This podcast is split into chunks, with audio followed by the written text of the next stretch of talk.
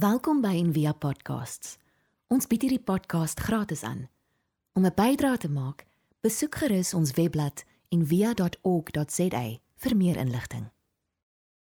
Afgelope paar weke besig met 'n reeks wat ons almal uitgenooi het om met 'n beker, 'n fisiese beker, 'n koppie te bid. En daar was ook 'n paar begeleide meditasies, ons 'n nuwe ene ook nou opgelaai vir hierdie week wat jy gerus kan gaan aflaai en gaan luister om saam met ons in hierdie reis te wees, soos ons dit nou in 'n klaarmaak hierdie week. En ehm um, vandag is ons by die laaste, ons het begin met neem die beker en maak leeg die beker, maak vol die beker en nou skink die beker, gooi die beker uit. En ek wil net begin eintlik met hierdie hierdie sê ding van Jessica Powers, dit sê I hold my heart as a God filled with love ready to pour on humanity.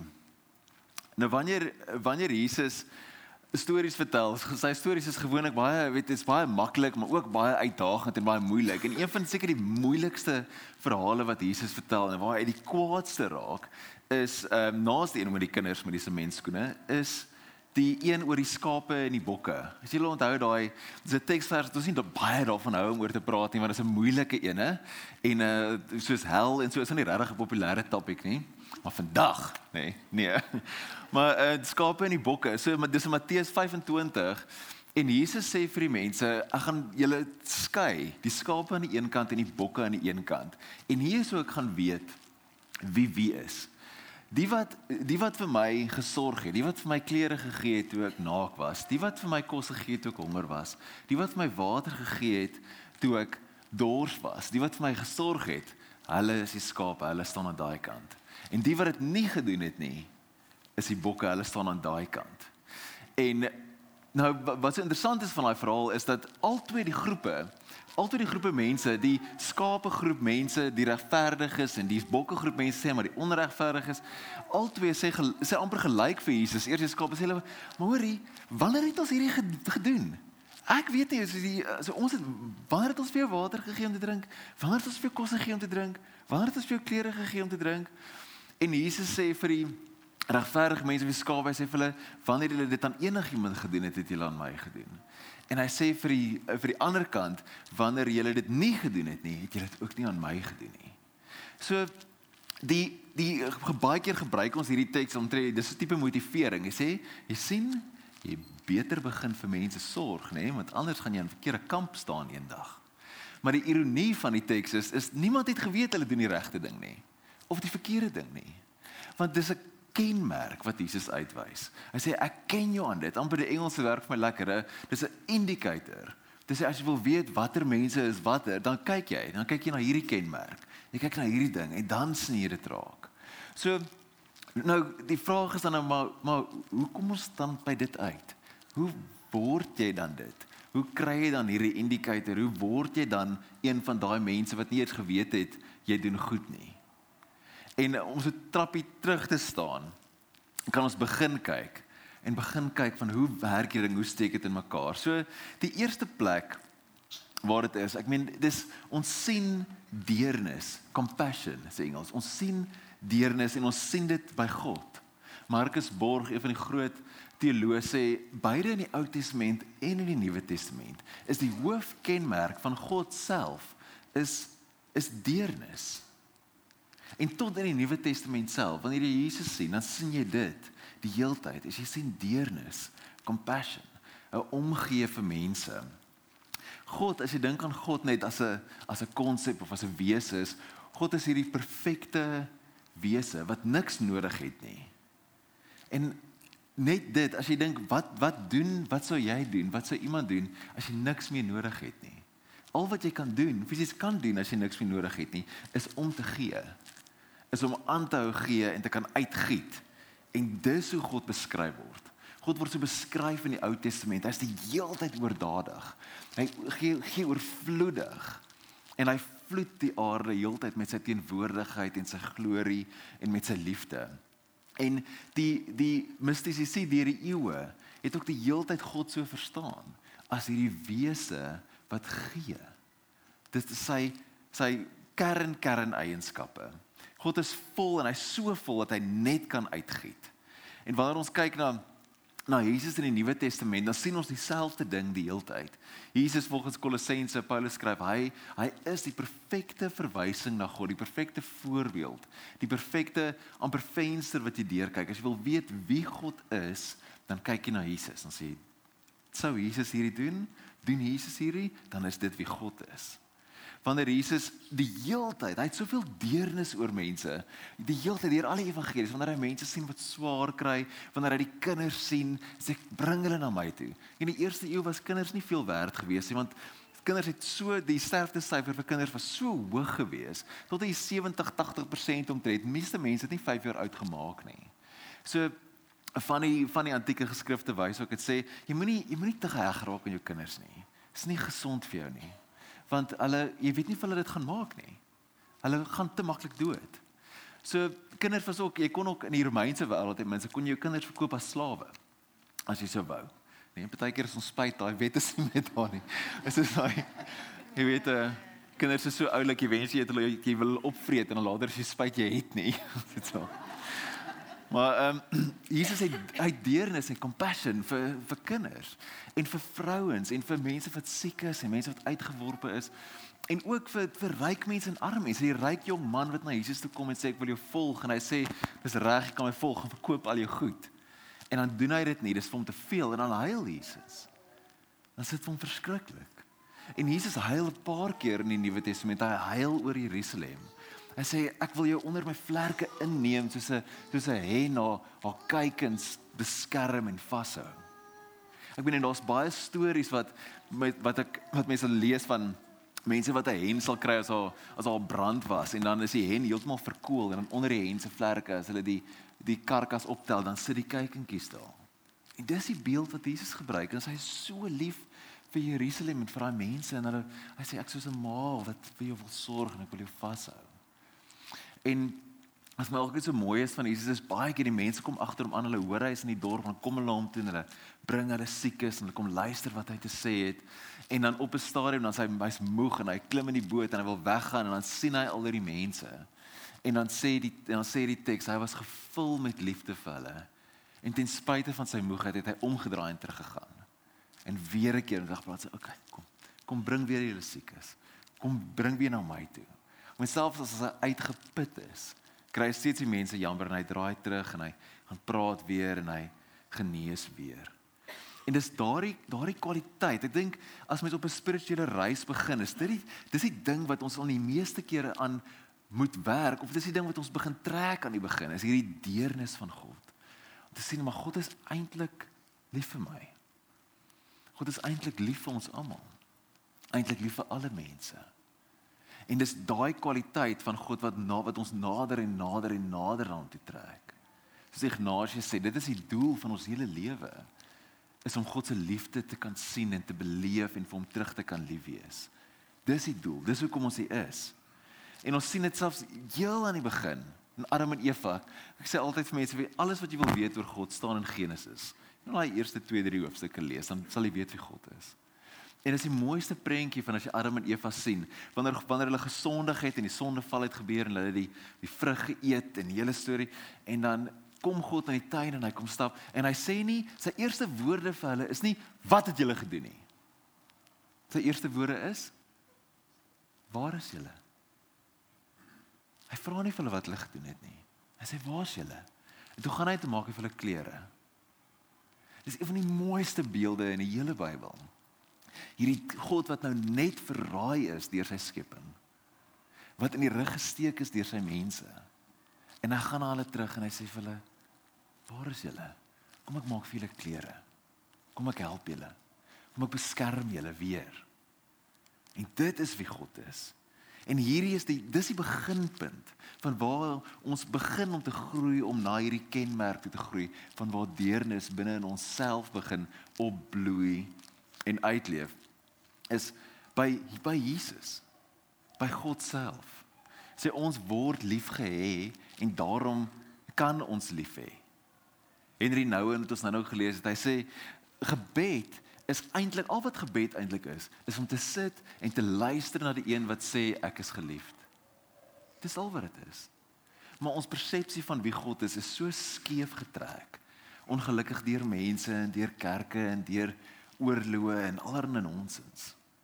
Maar die waarheid van wie God is, is dwars deur die Bybel en dwars deur die skepping geskryf. Is die waarheid is dat hy 'n compassionate God is, slow to anger, abounding in loving kindness. Dat hy net wil gee. Vir my die beste beskrywing van spiritualiteit en kontemplatiewe spiritualiteit is net hierdie drie woorde. Look, weep, live. Dis kyk wie God is. Kyk. sien die deernis wat hy vir jou het. En dan huil. Huil van blydskap.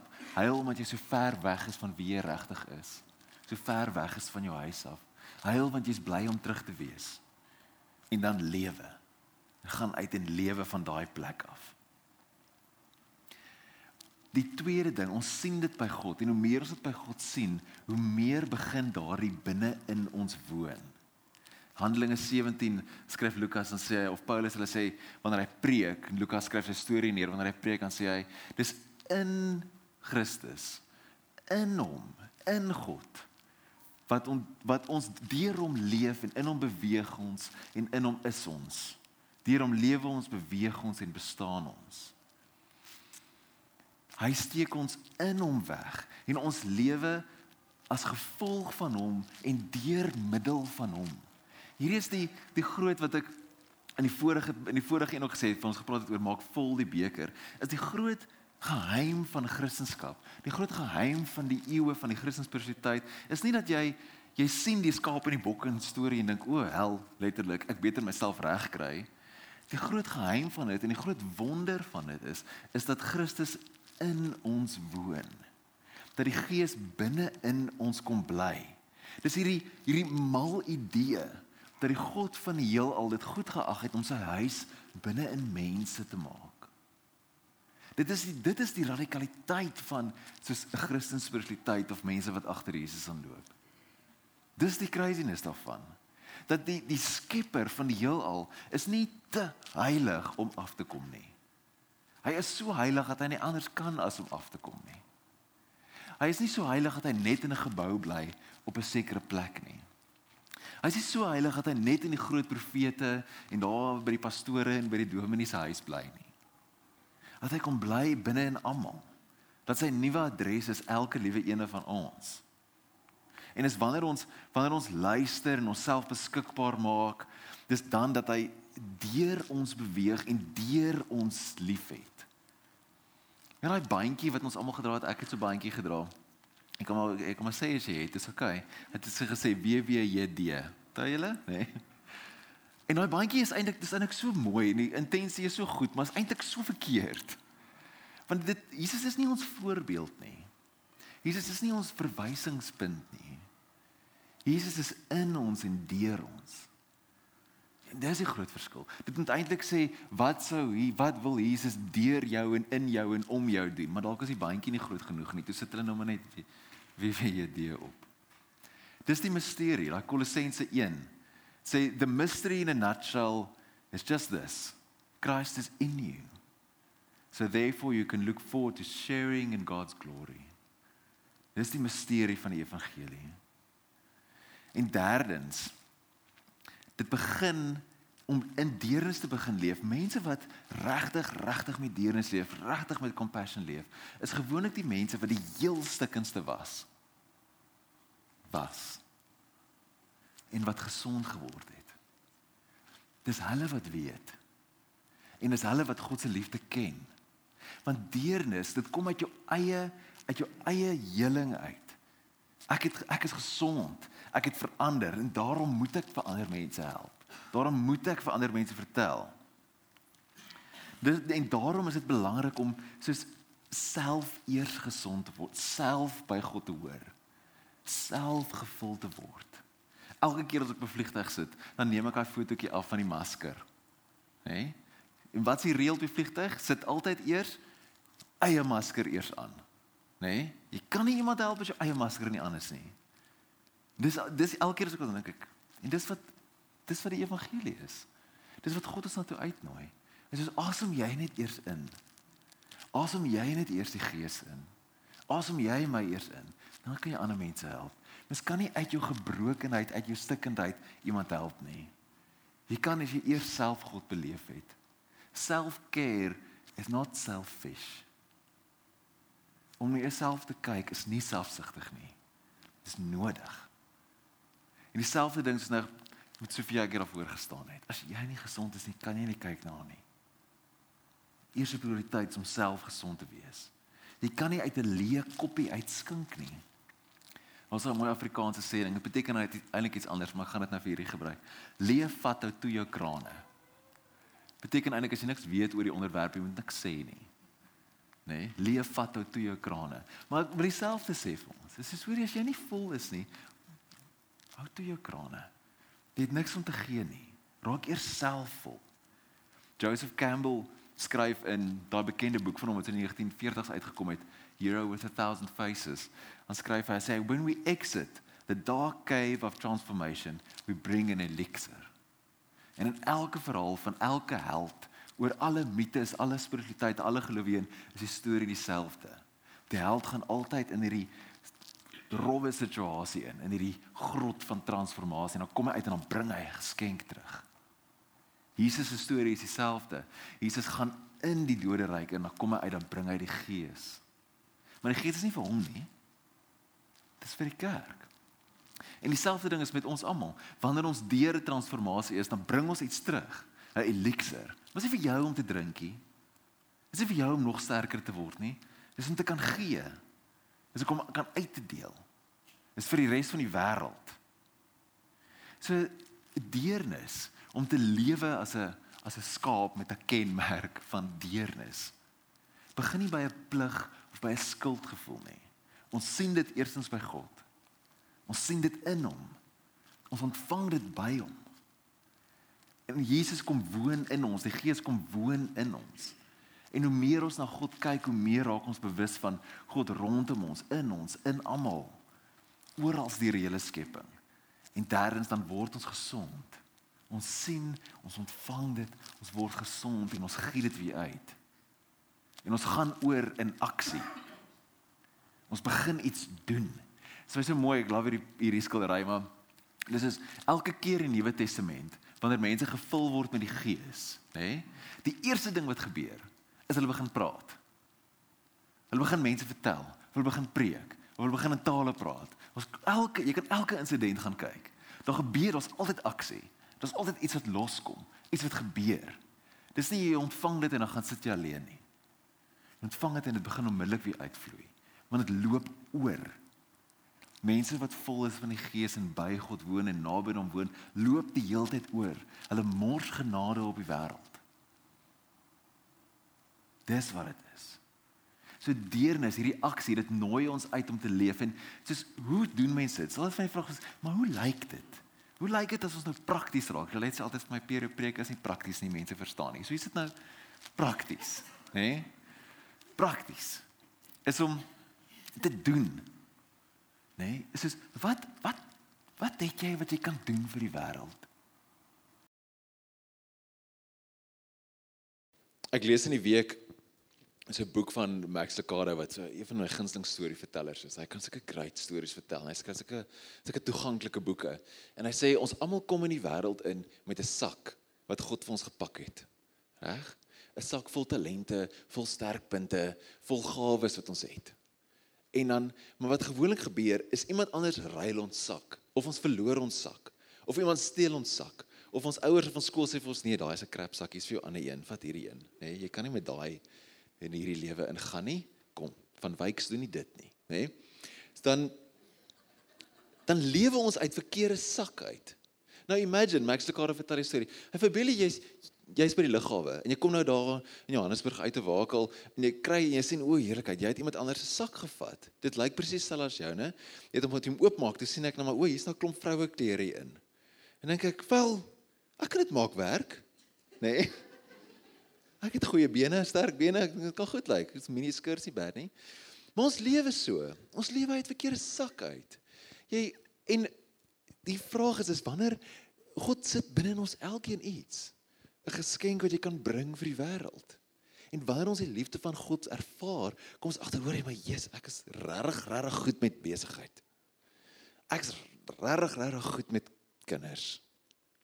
Ek's regtig regtig goed om stikkende bene heel te maak. Ek is regtig regtig goed om stikkende plumbing reg te maak. As dit is ja, doen dit. En doen dit met deernis. En doen dit soos Paulus skryf, doen dit asof jy dit vir die Here doen. Want jy doen eintlik. Want hy is die een wat dit in jou gesit het. In Korint 1 Korintiërs skryf Paulus sê every person is given something to do that shows who God is. Hoe mooi is dit? Elke dingetjie wat jy kan doen. En ons is so geneig baie keer om die kerk te sê, hoor jy nou moet almal gaan kinderhuise verf en almal moet nou doen. En dis great, ons moet kinderhuise ook verf. Nee, maar ons het regtig mense nodig wat regtig regtig goeie plammers is. En mense wat regtig regtig goeie dokters is. En wat dit doen omdat God hulle geïnspireer het. Omdat Jesus binne in hulle woon. En om mense te seën met jou woorde. Frida sê ook nou woorde is so kragtig. En woorde is so belangrik en om mekaar te seën. Henry Nouwen sê om goed te praat oor mekaar, mekaar te seën, beteken om hulle geliefdheid te bevestig, om hulle te kan raak sien en te sê wie hulle regtig is. En om goeie woorde vir mekaar te sê binne in 'n gemeenskap soos hierdie, binne 'n wêreld soos hierdie, om mekaar te sien as jy en het, ek grol myself verskriklik baie keer as jy hoor hoe hoe getroude paartjies met mekaar praat. Dan dink jy, "Jesus, wild." of hoe ouers met hulle kinders praat of kinders met hulle ouers. Dan ek dis die woorde wat ons oor mekaar sê die hele tyd. En en hoe ons praat oor ons land. Dan dink jy, ja. Hoe dink jy gaan dit beter gaan as ons aanhou so praat?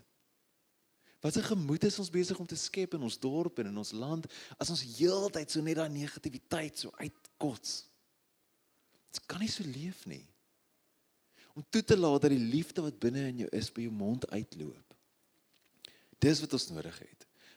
Die Spreuke skrywer sê woorde moet wees so suiwer silwer, soos fyn silwerwerk. En om ons woorde tel. In die Engels sê ek hou van die woord impeccable. Jou woorde moet impeccable wees. Die woord impeccable beteken sonder gebrek. Sonder sonde, eintlik is dit direk vertaal. Sonder gebrek, sonder valsheid. Die Nuwe Testament sê ons moet mekaar sing lofliedere sing. Dit kan ons doen. En ook 'n vreemde manier om te iets te doen is om te kan ontvang. Is om ander mense se seer te kan ontvang. Om 'n breed genoeg skouer te hê dat mense by jou kan kom huil. Om te kan luister. Ek dink ons amper geen ander kenmerk meer wat 'n kerk veronderstel is om te definieer as deernis nie om 'n plek te kan wees waar mense kan kom huil, kan kom voice, kan kom sê, kan kom vertel wat met hulle gebeur het en waar ons dit as 'n gemeenskap kan vashou en by hulle kan sit.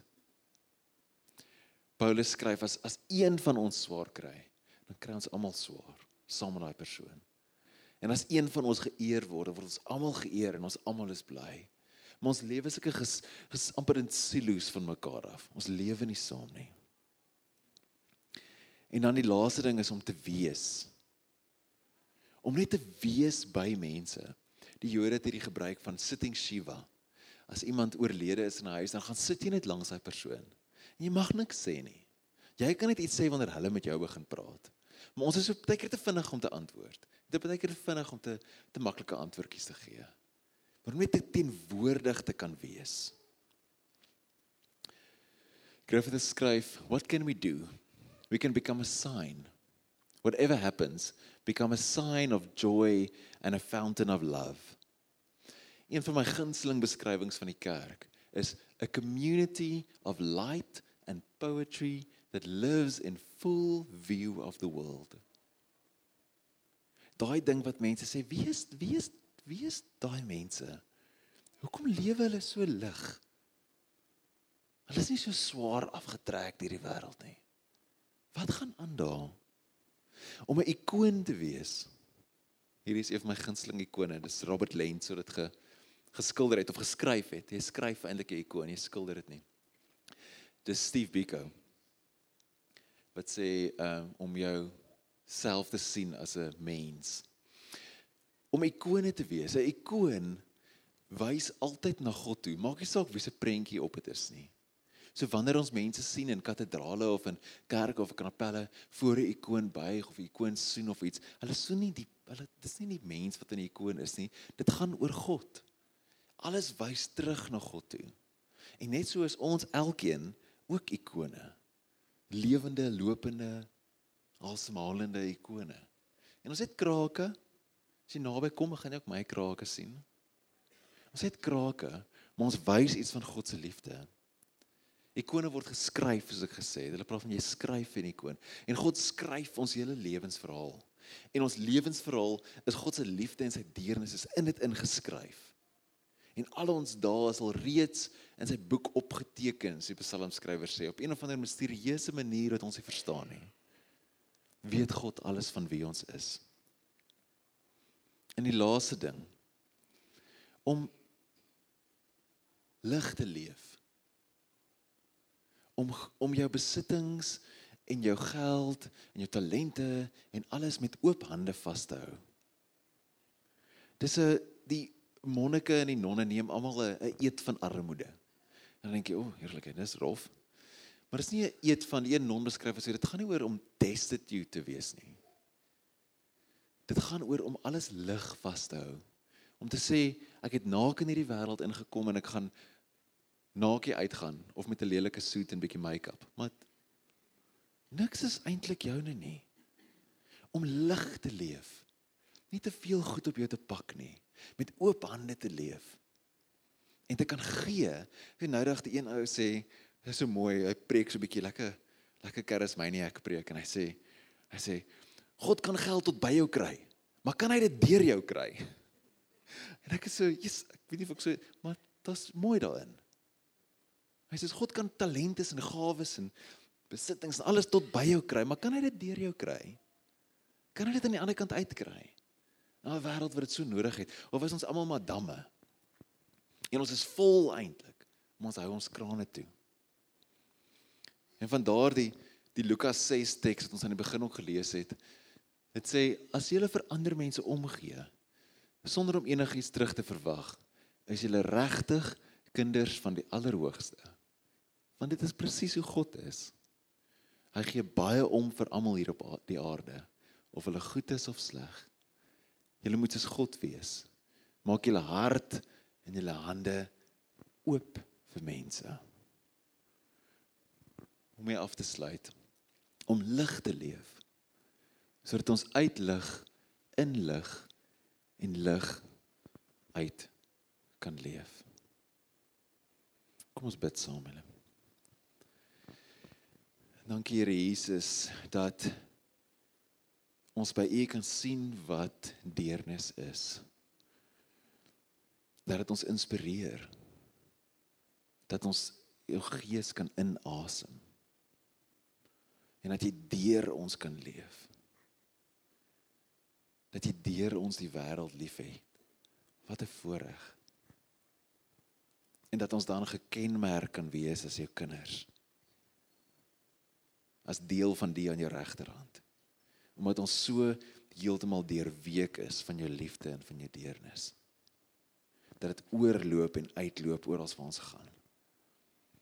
Gee ons die tyd en die wysheid om by jou te kan sit. Maak ons hande oop, ons vuiste wat so gebal is. Dat ons kan lig leef. Ons loof U naam, Here. Amen. Ons hoop van harte jy het hierdie podcast geniet of raadsaam gevind. Besoek gerus en via.ok.za vir meer inligting.